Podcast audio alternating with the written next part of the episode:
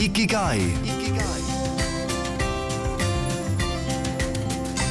Ikigai. tere, head kuulajad!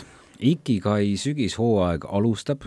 mina olen saatejuht Priit Rand ja täna on mu külaliseks treener, koolitaja, sportlane, isa ja spordipsühholoog Jörgen Matsi. tervist! tere! no kuidas sul suvi läks, alustame sellest kõige tähtsamast.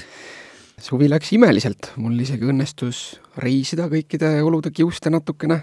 käisin äh, turvaliselt Islandil, mis Oh. oh. oli veel tollel hetkel veel samasugune viirusevaba riik nagu Eesti, võrdlemisi viirusevaba. ja, ja siis sai kena nagu tasakaalu ka, et just sellel äh, kuumalaine ajal kolmekümne kraadi käest sai sellisesse ilma, nagu praegu siin on, et, äh, et niisugune kümme kuni viisteist oli, oli see nädal seal. aga, aga väga kihvt maa, ma loodan, et ma saan kunagi tagasi minna. no täna räägime siin spordist ja psühholoogiast, aga ka trenni tegemisest. kas sa mäletad, millal oli sinu päris esimene trenn? Ei mäleta, aga ma arvan, et see võis olla kuskil algklassides võib-olla, kui sai mindud jalgpalli, sest see oli tollel hetkel äh, popp ja, ja siiamaani on. et ma olen seda tüüpi, et ma sain äh, lapsepõlves nagu üsna kõik spordialad järgi proovida, mida ma vähegi tahtsin. Ja kõikides nendes olin, äh, kui mitte kõige halvem, siis, siis nagu peaaegu, et, et ikka nagu jooksuringe tehes seal viimaste seas ja ja, ja jalgpallis siis olin see, kes kaitsesse määrati, mis lõpptulemusena, et, et nii-öelda nagu inimese kohta, kes tegelikult jalgpalli ei mängi, et siis kui praegu sõpradega saab mängitud, et äh, midagi ikka nagu mäletan. ja siis sai proovitud seal korvpalli, selline vahva multisporditrenn oli korvpallis, seal sai proovitud ka pesapallikurikad kätte võttud ja, ja ragbipalli visatud ja siis käisin lauatennises ja tennises ja ühe trenni vist isegi võrkpalli, sealt sain kohe aru, et see, see pole päris mulle. korvpallitrennis ka pigem mulle meeldisid need muud spordialad kui korvpall, et, et polnud eeldusi nagu selliste väga kõrgele ulatud pallimängude jaoks. niiviisi see läks, kuni siis kuueteistaastaselt leidsin enda jaoks võitluskunstid, nagu see võitluskunsti värk tõmbas ja tollel hetkel nagu Pärnus ei olnud need võimalused väga suured. Ja, ja tollel hetkel oli see olukord ka selline, et et noh, olid nii-öelda eestlaste trennid ja venelaste trennid ja, ja vastastikku väga ei kiputud, aga ma ikkagi kuidagi sain nagu, et ma sattusin aikidosse, mis on üks niisugune Jaapani võitluskunst. Mm, -hmm mis tegelikult oli nii-öelda venelaste trenn, et treener oli ukrainlane ja siis sellele trennile ma võrdlen, nagu võlgnen selle tänu, et ma täna ka julgen vene keeles rääkida, kuigi ma seda väga ei oska. ja siis äh, see teekond päris nagu tõsisema võitlusspordi peale läks edasi sealt sellest, et mina ja mõned sõbrad, kes tegid muid just nimelt võitluskunste, selliseid klassikalisi ja traditsioonilisi, panime vahel nagu huvi pärast kindad kätte ja kiivrid pähe ja mõtlesime, et noh, et nüüd proovime mm. -hmm. ja, ja kui proovisime, siis tuli välja see, et olgugi, et me igaüks ennast oma kunstis nagu pädevaks pidasime, siis see, mis siis nagu juhtus, see ei meenutanud midagi seda, mis trennis toimus ja siis me hakkasime nagu mõtlema vaikselt seal keskkoolipoistena, see oli niisugune kaheteistkümnes klass, et oot-oot, et midagi vist on nagu valesti või, või et midagi, et selliselt, et kui, kui on nagu kuidas õpitakse, et nii nagu noh, võib filmidest vaadata, et sul on mingi meister, kes sulle annab siis tehnikat ja siis sa teed tuhat korda wax on ja wax off ja mm, -hmm. ja et, et, et selles vist midagi on nagu valesti, et, et see nagu ei tööta. ja, ja hakkasime vaatama siis ka MM-ad, sportlikku vabavõitlust ja üldse, kuidas võitlussport välja näeb ja siis selleks hetkeks, kui ülikooli tulime, siis äh, olime selgeks saanud selle, et tegelikult selleks, et äh, õppida ka nii-öelda võitluskunste, isegi kui huvitab nagu see nii-öelda kunsti aspekt või see probleem üldisemalt või enesekaitse, et siis peaks rohkem treenima natuke spordi moodi, et nagu, et see sport on see koht, kus teadmine sellest, kuidas mingit liigutuslikku oskust omandada, on tegelikult parem, sest seal on seda kogu aeg testitud, sest see, mida ei, mis ei tööta, noh, see langeb välja nii-öelda konkurentsist sõna otseses mõttes spordi, spordi kontekstis. aga need klassikalised võitluskunstid, jah, me arvasime, et olid nagu enda kokkupuutepunkti reaalsusega kaotanud ja, ja niiviisi koos sõbra Indrek Reilandiga kaks tuhat kolm, kaks tuhat neli alustasimegi siis Eesti esimest nagu päris niisugust äh, Brasiilia jiu-jitsu ja sportliku vabavõitluse ehk MMA klubi Tartus. kui sa trenni teed, no mina olen proovinud näiteks seda, et äh, näiteks jooksmise taustaks äh, kuulata muusikat ja mul ei õnnestu see, sest siis tekib rütm ja siis tahad joosta nagu rütmis, aga ma ei ole vist viitsinud või võtnud aega, et neid lugusid välja peilida, mis siis nagu selle jooksurütmiga sobiks. teisisõnu, mina ei kuula jooksmise või spordi taustal muusikat, aga kuidas on sinuga? ma viimasel ajal ei ole väga jooksnud, sellepärast et ma ei ole kaugeltki enam äh, keegi, kes võiks ennast tõsiseks sportlaseks nimetada, et loodetavasti võib-olla veel treeneriks, aga aga, aga tõsisem spordi tegemise aeg jääb ikka sinna kahekümnenda kuni kolmekümnenda eluaasta vahele, juhuslikult ka siis enne seda aega, kui sündis minu perre esimene laps et, et, et see nagu pani fookuse teise kohta. aga, aga siis sai jooksmas käidud küll ja pigem mina jooksin alati mingisuguste kas audioraamatute või taskuhäälingutega. sama asi, et see rütm ja kõikuv rütm ja, ja just kui palju see muusika kaasa haaras ja samas siis, kui midagi nagu hästi sobib, siis ta hakkab ära tüütama, kui ta juba kümnendat korda käib. et, et selles suhtes mulle isiklikult ka pigem muusika ei sobinud ja mõned ju ei kuula midagi, vaid kasutavadki seda rohkem sellise meditatiivse harjutusena yeah aga kui ma nüüd küsin su käest, ähm, keda sa Eesti muusikas äh, kuulad? Äh, oh, viimasel ajal, selles mõttes, et äh, viimasel ajal ma kuulan seda, mida lapsed küsivad kuulata ah.. ehk siis peamiselt Vii-, Viite Miinust jah, Karl-Erik Taukarit ja, ja Liis Lemsalud ja, ja muud sellised äh, popartistid. aga nüüd üks soovilugu, mida sa ise fännaks? ma mõtlesin selle peale, et, et läheks siis nagu nostalgiasse, et läheks mingisse aega tagasi äh,, minu meelest tänapäeval teenimatult äh, vähe saavad tähelepanu Chalice'i kaks esimest plaati ja, ja palun mängi mulle Chalice'i äh, Üks linn Eestist ma olen välisturistidele öelnud, vaadake seda Tartut, me oleme Tartu südames. südames hommikul tuul tõi lihakombinaadi lehkale, me ei tea, mis tähtedes seis oli, et täna mitte kirjaviga teha. ja skinnar igalt poolt pool tundi, isegi veerand, me ei vaja autosid, bussist jäid maha nagu Kristjan Petersongi, käi jala. Toome Mäekso mobiilimälus riimid, mis saaks Shakespeare'igi karedusest siniseks. olen palju riigis ringi käinud, siiski see muld, mida praegu sammun on kuidagi kummaline, nagu kummitaksin vaimud.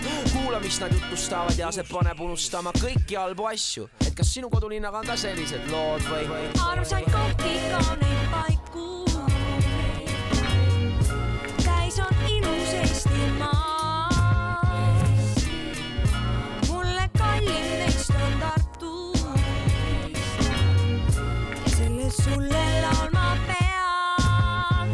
mõtted kutsuvad külla, isegi suvel, kui linn tundub tühi, toimub meie pääs palju ja kui Paide on Eesti süda, on Eesti tagurpidi. ega kõik siin tegeleb muusika, kunstiga, vaatamata sellele erinevad eksisteerivad sõbralikud kõrvuti nagu Pläsku ja bussijaam. meile meeldib siin, ei tea, miks Andrus ära läks, ta polnud viimane Saurus, mõttegi see kakskümmend kolme mintsane laulja. Tartu omab meid, joome siis uhkelt klaap Tallinnas, Vana-Tallinnat või kasvatame munakivil porgandeid, jääme ikka tartlasteks. armsaid kohti, kauneid paiku.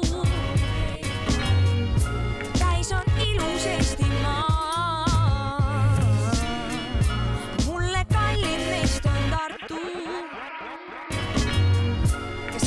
Sulle laulma pean epa ees šokeeriks sind nagu tuua vaid plaale. piravam näeb, mis tegelikult, silmad Kreutzwaldi kuklal ja jagab purda varvastel. turuvarblased Emajõe kallastel ja nii edasi, öösel linn puhkab ja suudlevad tudengid, võtke eraldi tuba. see on Tartu Ülikooli linn, Tõnis, ära ole kade. Tartu noortelinn ei tohiks unustada ükski linnavanem. vahel küll vinguks liikluskorraldused pärast ja protesteeriks linna planeerijate vastu ja vanem muisele uus elektrikannel, palun, aga ikka au on olla elada siin. Ilus Eestimaa. kallim neist on Tartu. kallistan sind Tartu. ja sellest sulle laulma pean.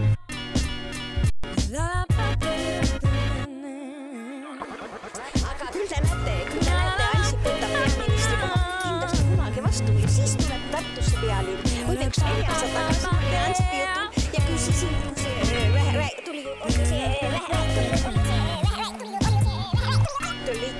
Tartus saab pealinn. ma küsiks sõna alust. ta ütles, et jaa, Tartu peab hakkama pikkamööda valmistuma pealinnaks saamisel, sest ta on kõige sobivam koht pealinnana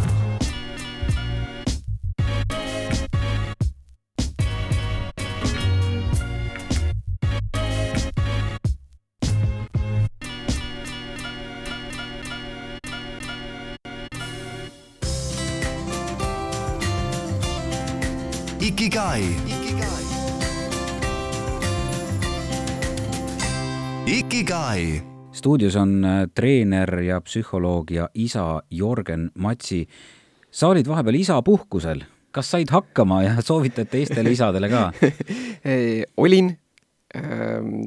selle hakkamasaamisega on niiviisi, et noh, et äh, kõik on äh, elus ja rõõmsad, siis mm -hmm. võib öelda, et jah, sain hakkama, nagu heaks isaks olemine on selline asi, mis ei saa nagu kunagi valmis.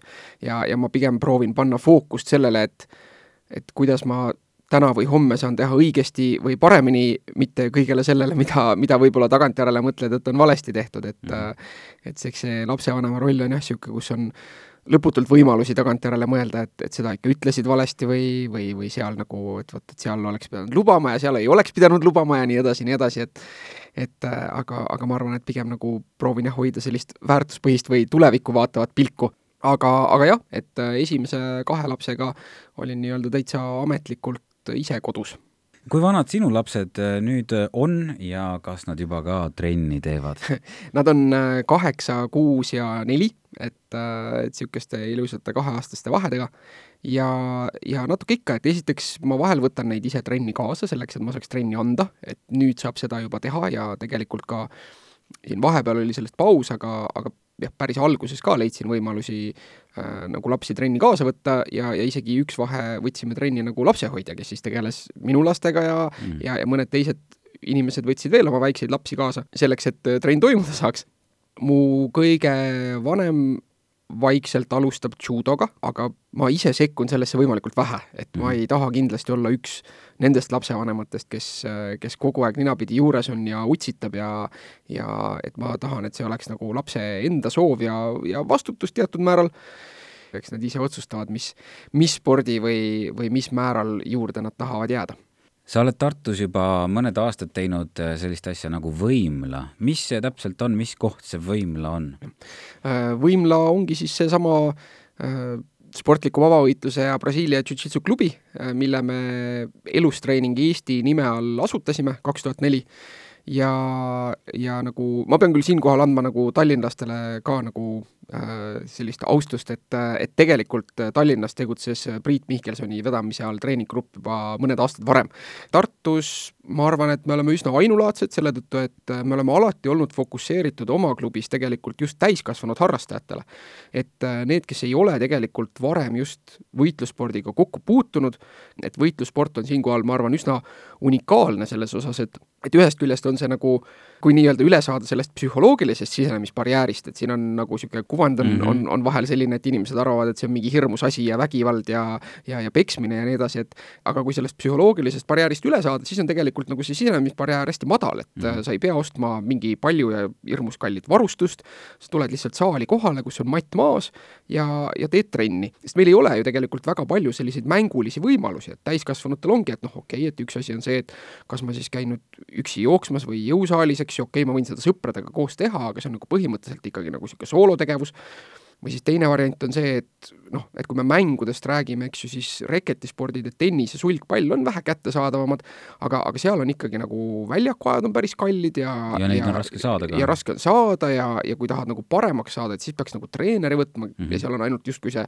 noh, et sa ei saa treenida kolmekümne inimesega koos mm -hmm. lihtsalt sellepärast, et sellel, seda treenerit ja väljakut ei jätku, jalgpalli, korvpalli, siis jällegi pead selle saali ja sõbrad organiseerima, et nagu selliseid äh, mängulisi alasid, mis ma arvan, et äh, tegelikult iga inimene, eriti need, kellel on olnud nagu justkui mingi jooksmise või jõusaali juures hoidmisega raskuseid, et äh, igaüks võiks proovida. tegelikult nagu ennast niisama liigutama, motiveerida ongi päris raske, eks ju, sest äh, kui me räägime evolutsioonilises või, või nii-öelda looduse kontekstis, siis ju noh, joosta on ikka ainult mõtet siis, kui sa jooksed toidule järgi või mm., või toiduks saamise eest ära, eks ju.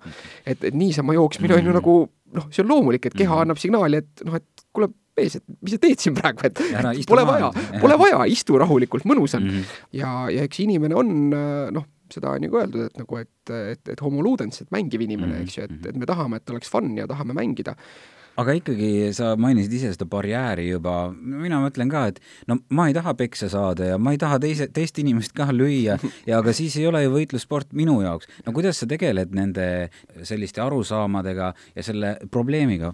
ühest küljest äh, see on ka üks põhjuseid, miks meil klubis on nagu mõnes mõttes kaks spordiala või kaks suunda, et sportlik vabavõitlus tõesti on nagu see nii-öelda kõige niisugusem noh, jutumärkides realistlikum võitlusspordiala, eks ju, ja, ja, ja see on siis see, mida tehakse nii-öelda puuris, eks ju, kui me räägime kõrgliiklustest, keskliigadest, seal nagu ilma löömist õppimata ja, ja läbi selle ka ise löödud olemata ei saa, et, et seda saab küll õppida ohutult ja väiksema kontaktiga ja, ja need, kes äh, võib-olla kunagi päris võistlusringi ei, ei taha minna, need ei pea riskeerima seal nagu sellega, et, et, et tõesti võib juhtuda, et keegi lööb kõvasti vastu pead näiteks, eks ju, millel võivad olla mingid kahjulikud tagajärjed. Mm, -hmm. aga, aga siinkohal jällegi ma arvan, et väga-väga unikaalses harrastusspordi positsioonis on, on Brasiilia Jiu-Jitsu, mis võib-olla paljudel on võõras nimi, aga noh, ma arvan, et keskmisel eestlasel on olemas mingisugune ettekujutus judost, et need, kes on vanemad, mäletavad judopoisse ja need, kes on nooremad, need teavad lotet, eks ju. Need on nagu mõlemad samast asjast välja kasvanud, et judo arenes selles suunas, et olla nagu selline heitepõhine ja eelkõige just nagu noh, olümpiasport ja see on nagu seda judot ja reeglistikku ja, ja kõike seda judo keskkonda palju kujundanud.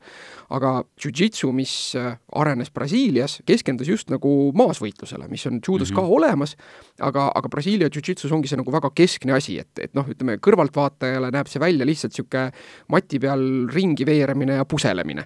eks ju, kus siis noh, lõppeesmärgiks on sooritada mingisugune võte, mis siis pannakse vastase alla andma. see unikaalne aspekt on see, et, et esiteks ei ole seal löömist, et see on ainult nagu maadlusspordiala, kuna heidetel on nii vähe rõhku, siis nagu täiskasvanu jaoks on see nagu ekstra turvaline, et heidete õppimise ja harjutamisega raskuskese on kõrgemal ja, ja, ja ise oled ka raskem ja seetõttu mm -hmm. nagu gravitatsioon mõjub ka natuke raskemini, et see kukkumine ja püstitõusmine on ühest küljest nagu väsitav ja teisest küljest pikas lõikes või kui mitte hoolikalt seda teha, siis ka nagu traumaoht on suurem.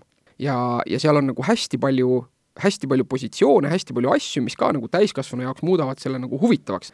Äh, ma õpin ka uusi asju, ma võin vaadata Youtube'i, mis on tänapäeval täiesti uus meedium ja näha, et oh, et seal on nagu mingisugune võte, mille peale mina pole kunagi tulnud, keegi ei ole mulle seda õpit-, õpetanud ja, ja võimalik, et seda, noh, ma olen ise näinud seda, et ongi mingid asjad, mida ei olnud varem olemas, et mida kümme aastat tagasi ei teadnud keegi ja keegi mm -hmm. lihtsalt nüüd mõtles välja. et kuna see positsioonide hulk on nii lai, siis on see arsenal ka nii lai ja, ja seetõttu tekib lihtsasti see tunne, et, et oh, et ma saangi trenni minna, see on füüsiline pingutus, sest noh, ikkagi teise inimesega nagu puselemine on väsitav mm. -hmm. et, et saab nagu selle koormuse kätte ja, ja teisipidi saab nagu alati midagi uut ja ägedat õppida, et, et just selle spordiala kontekstis, et saadki õppida mingisuguse uue nipi.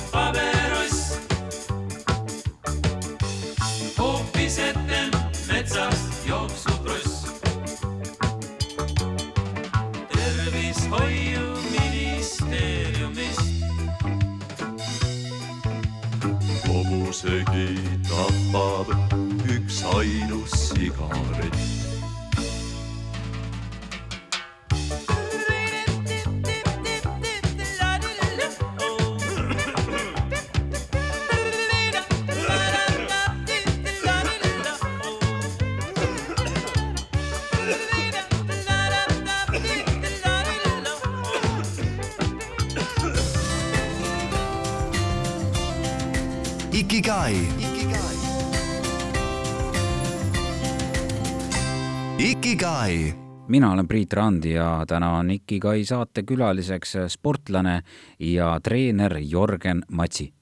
sa oled ähm, üks kolmest Eesti kutsetunnistusega spordipsühholoogist mm. -hmm. On nii on, nii, jah? jah. Mida see täpselt tähendab ja, ja millega sa siis äh, tegeled?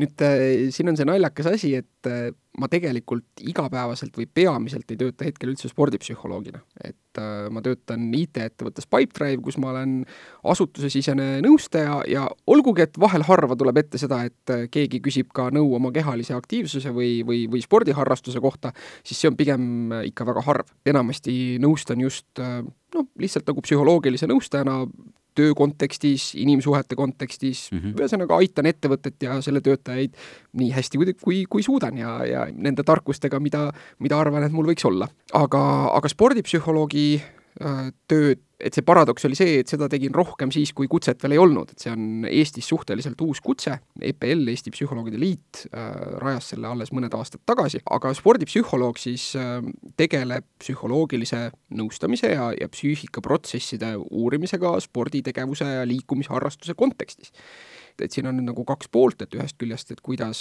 äh, toetada inimeste liikumisharrastust äh, nagu harrastusena käitumisteaduste perspektiivist ja, ja kuidas see siis mõjub psüühikale ja, ja mis on seal head ja, ja mis võib olla, olla näiteks kahjulikku, ma ei arva, et treeningsõltuvus küll väga suur probleem oleks, aga, aga, aga seda sellist sõltuvuskäitumise laadset käitumist võib treeningu kontekstis ka tekkida nii-öelda neid mõlemapidiseid seoseid uurime seal ja, ja teisipidi siis äh, psüühikaprotsessid sooritusspordi kontekstis, et näiteks emotsiooni regulatsioonioskused või nagu oskused, kuidas äh, enda mõtteid juhtida, et, et või tähelepanu suunata, et teha siis paremat sooritust ja, ja kvaliteetsemat trenni. mul on äh, isiklik küsimus ka, vahel kui ma diskgolfi käin mängimas, siis äh, mõni päev saan aru, et o-, super, väga hästi, käsi töötab, kõik on paigas, niimoodi tasakaal ja ketas lendab kaugele ja kõik on ideaalne. aga teine päev on see, et võtad ketta kätte, tunned, et noh, juba käes on vale tunne.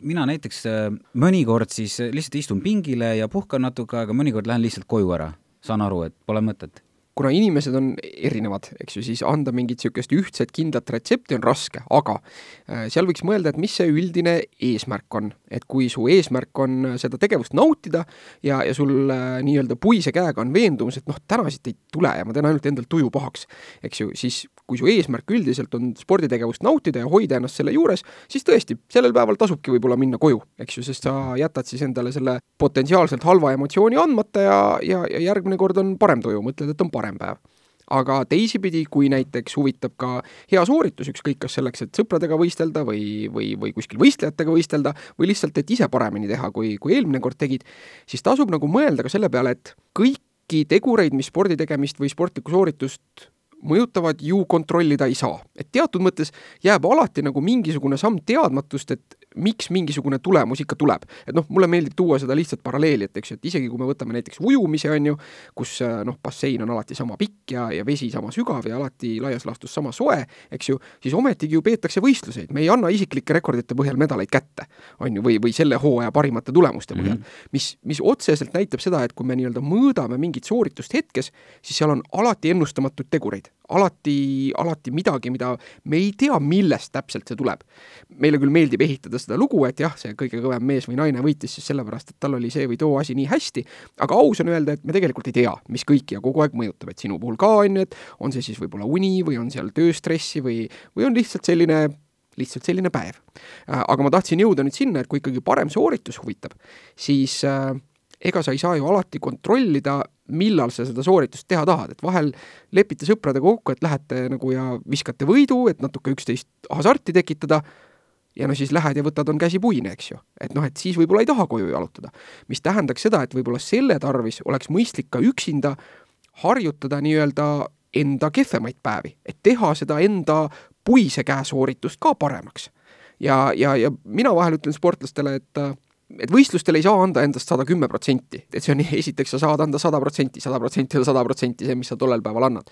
ja, ja olgugi, et mõnedel spordialadel me võime tõesti mõelda sellest, et noh, et mida rohkem nagu pingutad, seda parem see tulemus on, eks ju, noh, võib-olla kõige mustvalgem näide on jõu tõstmine, eks ju, kuigi seal on ka selgelt muid aspekte peale selle puhta pingutuse.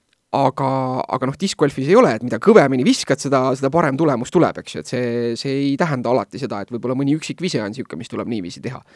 seetõttu ei ole ka mõtet otsida seda sada kümmet protsenti, vaid tasubki mõelda, et noh, et kui ma mingil päeval teen kehvasti, näiteks teengi nagu nii, et noh, et mõtlen, et see nüüd oli no ütleme, kaheksakümmend protsenti sellest, milleks ma võimeline olen, eks ju, kuigi tegelikult see on niisugune mõttemäng, et ega me ei tea kunagi, milleks täpselt me võimelised oleme. kui sa tahad hästi sooritada näiteks äh, sõpradega võisteldes või pärisvõistlustel, siis noh, mina ütlen alati, et ära, ära igatse seda sadat protsenti, vaid tee see kaheksakümmend protsenti nii heaks, et sellest piisab katseta, võib-olla, võib-olla mõni päev avastad, no et kaks-kolm korvi mängisime ära, eks ju, ja, ja, ja siis läks paremaks see on see, et okei okay,, et, et mida ma siis pean tegema, et ei läheks kaks-kolm, vaid piisaks näiteks esimesest, on ju, et seal saab nagu mõelda, et et, et mida peale hakata.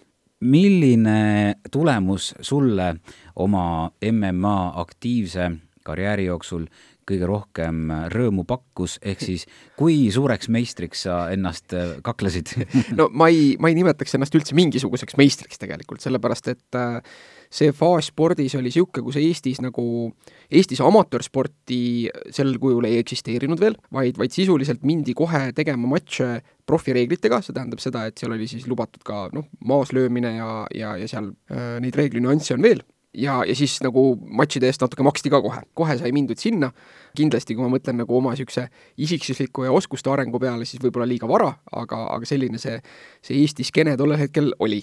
et, et turniiridest mul oli võimalus osaleda Soome lahtistel meistrivõistlustel ühel aastal ja, ja seal ma tulin teiseks, et noh, et selles mõttes, et ei, ei mingit meistritiitlit ja, ja samale mehele, kellele ma siis finaalis kaotasin, kaotasin ma mõned aastad hiljem nagu profimatšis ka. nii et see oli selge lagi, millest, millest ma üle ei saanud. ja see, et Eestis hakati tollel hetkel korraldama väga kvaliteetseid üritusi, et meil oli nagu see MMA võistluste sari Raju, äh, mida, mida vedas Ott Tõnissaar ja, ja tegi seda väga, väga hästi. ja noh, sinna Ott võttis võistlema neid, keda Eestist võtta oli ja, ja juhtus niiviisi, et mina olin tollel hetkel üks aktiivsemaid treenijaid ja, ja kui vaikselt need matšid vastastega tulid ka, et siis noh, nii-öelda summa summarum olid äh, minu vastased nendel hetkedel, kui ma võistlesin, olnud nagu üsna nagu heal tasemel, et seetõttu päris mitu nagu seda Eestis toimunud rajuüritust oli minul siis nii-öelda justkui peamatš, eks ju, et, et viimane, viimane matš nagu õhtu jooksul.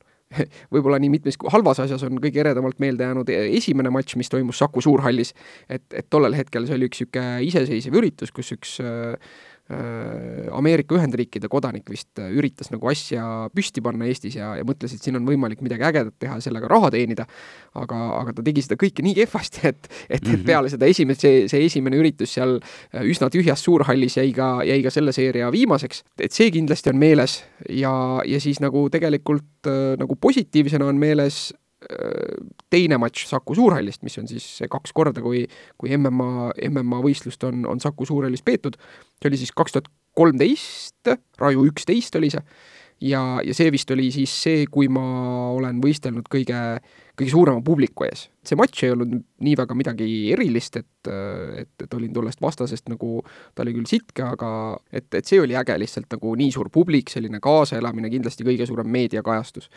-hmm. ja, ja sellest äh, kaks aastat varem noh, Tartus kodupubliku ees nagu saada väga-väga hea võit äh, tollel hetkel ikkagi väga hinnatud Läti võitleja üle, et, et see oli ka nagu vinge, et et see oli niisugune veel noh, seal oli nagu vastane vahetus viimasel hetkel, mul oli nagu kokku lepitud üks vastane, tema väidetavalt sai vigastada või jäi haigeks, ma enam ei mäletagi, mis seal oli, ja siis siis pakuti justkui nagu tugevat, tugevamat vastast, raskemast kaaluklassist ja, ja, ja mul õnnestus nagu äh, seal matšis teda väga edukalt domineerida, et, et, et see oli nagu sportlikus mõttes äge. kui nii-öelda vaadata mu tulemusi paberil, siis need võivad tunduda äh, vinged ja uhked, aga ja, ja neid on palju, et, et tegelikult kaks tuhat kakskümmend üks vist on viimase kuueteist aasta jooksul äh, äkki teine aasta, kui ma ei ole teinud mitte ühtegi võistlust mitte üheski spordis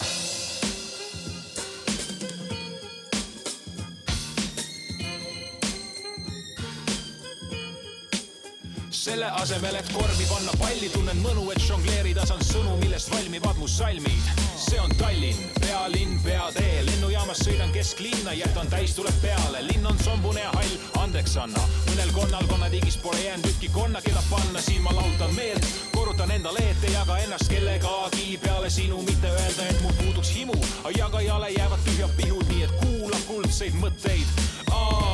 kell on nii pool ükskõik, kes jookseb seda linna, ma olen autos, vaatab võtmeid.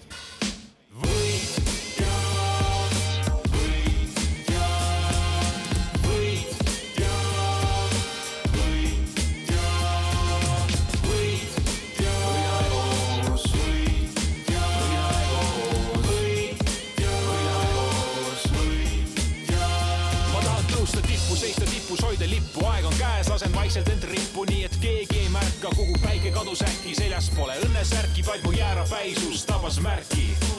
Võitnud olen lahinguid, võitmas olen sõda, mulda pandud seemnetest on tärganud mu saatus, armastus on, mida külvan, külmas sulab süda ning ovatsioonidega algamas on teine vaatus, nüüd istu, aitäh, kas kaua võtsid kaasa, sõnad jäävad pähe peale mitut kuulamist, nüüd vaata, kuidas kaardid lauale laotan, teades, et ei võida kunagi, kui suud ei paota, ma ei kaota.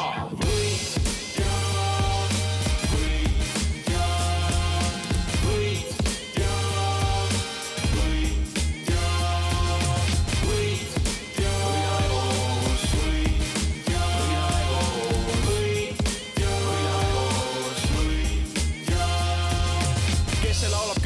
see külmkapis kolistab, Tom Olav tagasi, et tekitada stseeni, tagasi, et võtta tagasi see, mis on minu, maksa võlg ära punkt kom, tšeki domeenil, Peeter Paani sündroom, teesklen, et olen seitseteist, esimene noorus, teist korda hiljaks jäänud veits, võtan seda, mida elul pakkuda on mulle, vürtsitades sellega, et vähe õli varan tulle. nüüd kuula seda autos, kui sa aknad lahti sõidad, naudi, kui see samet jälle raadiolainil hõivab, kui vähegi mõikad, laula kaasa, kuula mind ja sinustki võib saada. võitja,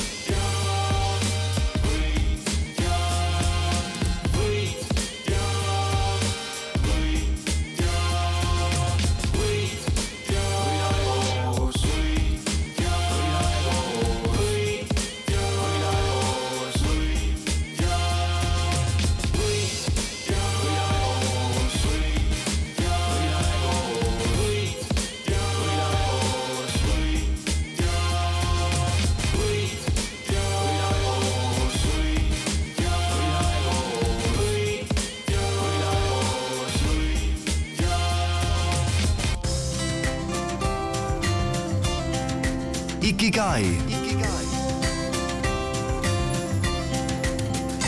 Ikigai saade on Ikigai ja mul on stuudios külas täna spordipsühholoog ja endine MMA meister Jörgen Matsi. kust sa selle kõik motivatsiooni leiad ja võtad, mismoodi see sinu puhul käib või kas sa üldse pead selle peale mõtlema, kas sa, kas sa vahel tunned väsimust, kas sul on küsimusi?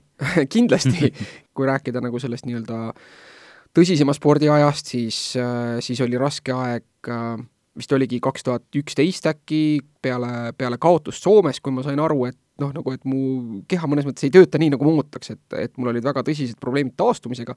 tagantjärele on see niisugune noh, jutumärkides enesediagnoositud ületreening, et tagantjärele mõeldes ma olen palju mõelnud, et tegelikult äh, selliste noorte ja hakkajatena ja, ja, ja võitlusspordis noh, ma küll ise proovisin nagu palju lugeda ja uurida, et kõik see üldfüüsiline treening ja toitumine ja need asjad, aga tegelikult nagu mingit niisugust ekspertteadmist meil kaasata ei olnud, et me, me mõnes asjas võib-olla olimegi nii-öelda üsna, üsna nagu cutting edge võib-olla isegi äh,, isegi nagu pärisportlastega võrreldes, sest me julgesime eksperimenteerida mingite meetoditega, mis, mis nii-öelda nagu tavasporti jõudsid alles hiljem. Aga teisipidi ma arvan, et kõik me, kes seal ütleme noh, nii MM-as kui tai-boksis kui noh, nii-öelda nendes ääreala nagu võitlusspordialades, mis äh, Eestis pead tõstsid siin ütleme kahe tuhandendate keskelt algusest kuni siis ütleme viie-kuue aasta taguse ajani, me kõik olime ületreeningus, ma arvan, enamus ajast mm. -hmm. et, et me olime uhked selle üle, et me tegime hästi palju trenni ja, ja olgugi, et järjest enam sai selgeks see, et enne võistlust tuleb ikka natuke puhata ka. et see nagu sai selgeks, aga, aga, aga mitte piisavalt, et mul on vedanud, mul ei olnud nagu sellest tõsisemast spordi tegemise ajast ühtegi nagu niisugust suurt vigastust või mis mind kuidagi nagu tänapäeval, nagu praegusel ajal väga mõjutaks. ja noh, ületreeningu tingimustes ennast motiveerida oli väga raske, eks ju, et kuidas mm -hmm. sa ikka tahad trenni minna, kui sa tunned, et sa ei jaksa ja oled niisugune tönts ja, ja nagu aga mis mind nagu üldiselt on selle asja juures hoidnud või mida ma proovin leida, on, on just see, et üks element on see väljakutse element, et, et see MMA ikkagi oli niisugune minu jaoks nagu tõsine proovilepanek äh, enda jaoks ja, ja teisipidi noh, nagu eneseületus äh, igas mõttes, eks ju, et mulle vahel, kui keegi küsib, et kas ma avaliku esinemise suhtes nagu äh, ärev olen, noh, siis ma ütlen, et noh, et kui sa oled ikka nagu poolpaljalt kahe tuhande inimese ees nagu peksa saanud, siis äh, siis nagu mingid sellised asjad, et ma lähen kuskile mingit ettekannet tegema, et see nagu kõigutab võrdlemisi vähe. Jah, aga, aga et, et kui seal MM-as on nagu see väljakutse pool, siis nagu just sellest maadlusspordialadest Brasiilia jiu-jitsust ma leidsin enda jaoks nagu ühest küljest just see, see uudsus ja huvitavus või see niisugune innovatsioon, mis on nagu kogu aeg võimalik, isegi peale nagu kümmet või viiteist aastat, rääkimata siis esimesest päevast, kui on nagu see, et mul on miljon asja, mida õppida, et issand, kui äge ja siis sul ongi see, et sa õpid mingi uue nipi ära ja siis suudad seda juba vastasele teha ja ja see on nagu hästi niisugune kihvt nagu uudsuse tunne ja, ja see on olnud lõbus, et see on nagu, ma arvan, et seal on midagi väga sellist äh, ürgset, et tegelikult meis kõigis on peidus see laps, kes tegelikult tahaks lihtsalt nagu turvalises keskkonnas mürada. et just nimelt, et see ei ole nagu kiusamine, eks ju, et trennis ongi see, et me kõik tuleme sinna, me teame, et see keskkond on turvaline, keegi ei proovi kellelegi nagu tahtlikult häda teha, eks ju, ja, ja siis see ongi lihtsalt niisugune inimene inimesega nagu puselemine. Ja, ja, ja olgugi, et see võib täiskasvanuna tunduda niisugune imelik või võõras, siis, siis ma arvan, et see on ikka kuskil sees peidus ja, ja mina nagu leidsin selle üles ja Tartu Ülikooli teadlane Triin Laisk, ma loodan, et ta lubab enda nime niiviisi välja visata, kes ka on äh, väga äge entusiast meie trennis, et tema ütles selle spordiala kohta kunagi niiviisi, et see on äh, agressiivne kallistamine. et noh, niisugune sõbralik puselemine, jõu katsumine, et, et ma arvan, et see äh, enamike inimeste jaoks võib tegelikult olla väga meeldiv, kui nad sellest jälle esimesest barjäärist nagu üle saavad. Nii et äh, kui mõni kuulaja nüüd tundis ennast kõiges selles ära, siis tegelikult võib ta tulla sulle külla võimlasse ja sakutada käisest või võtta haardesse ja Jah. küsida edasi. jah, no et äh, siinkohal ma innustaks äh, kõiki külastama meie kodulehekülge, mis on www.võimla.ee ja, ja sealt saab juba infot, et äh, sügisesed algkursused saavad väga ruttu täis kui sa kuulad praegu seda intervjuud ja, ja minu, minu nagu niisugune müügijutt Brasiilia jiu-jitsu kohta või, või sportliku vabavõitluse kohta on olnud piisavalt hea, siis registreeri ennast kohe ära, sest, sest muidu järgmine võimalus avaneb alles jaanuaris selge, nii et äh, Matil näeme või kuidas te ütlete? me ütleme tihti jah, et, et, et klubi äh, slogan on äh, mõtle peaga, võitle südamega, aga, aga tihti enamasti me enda kirju ja, ja niisuguseid, kui linnas näeme, siis me tihti lõpetame ka sellega, et no Matil näeme, et võib küll trennides pausi jääda, kui kui on raske või, või kui on motivatsioonipuudust, et mina ise ka, et ega ma ei jõua praegu Matile sugugi nii sageli, kui tahaks, et, et pere ja kõik muu ja mõni päev on see, et lihtsalt on väsinud äh,, aga, aga me teame, et, et millalgi ikka, et Matil näeme. suur tänu stuudiosse tulemast, Jörgen Matsi, ma soovin sulle mõnusat sügist! aitäh!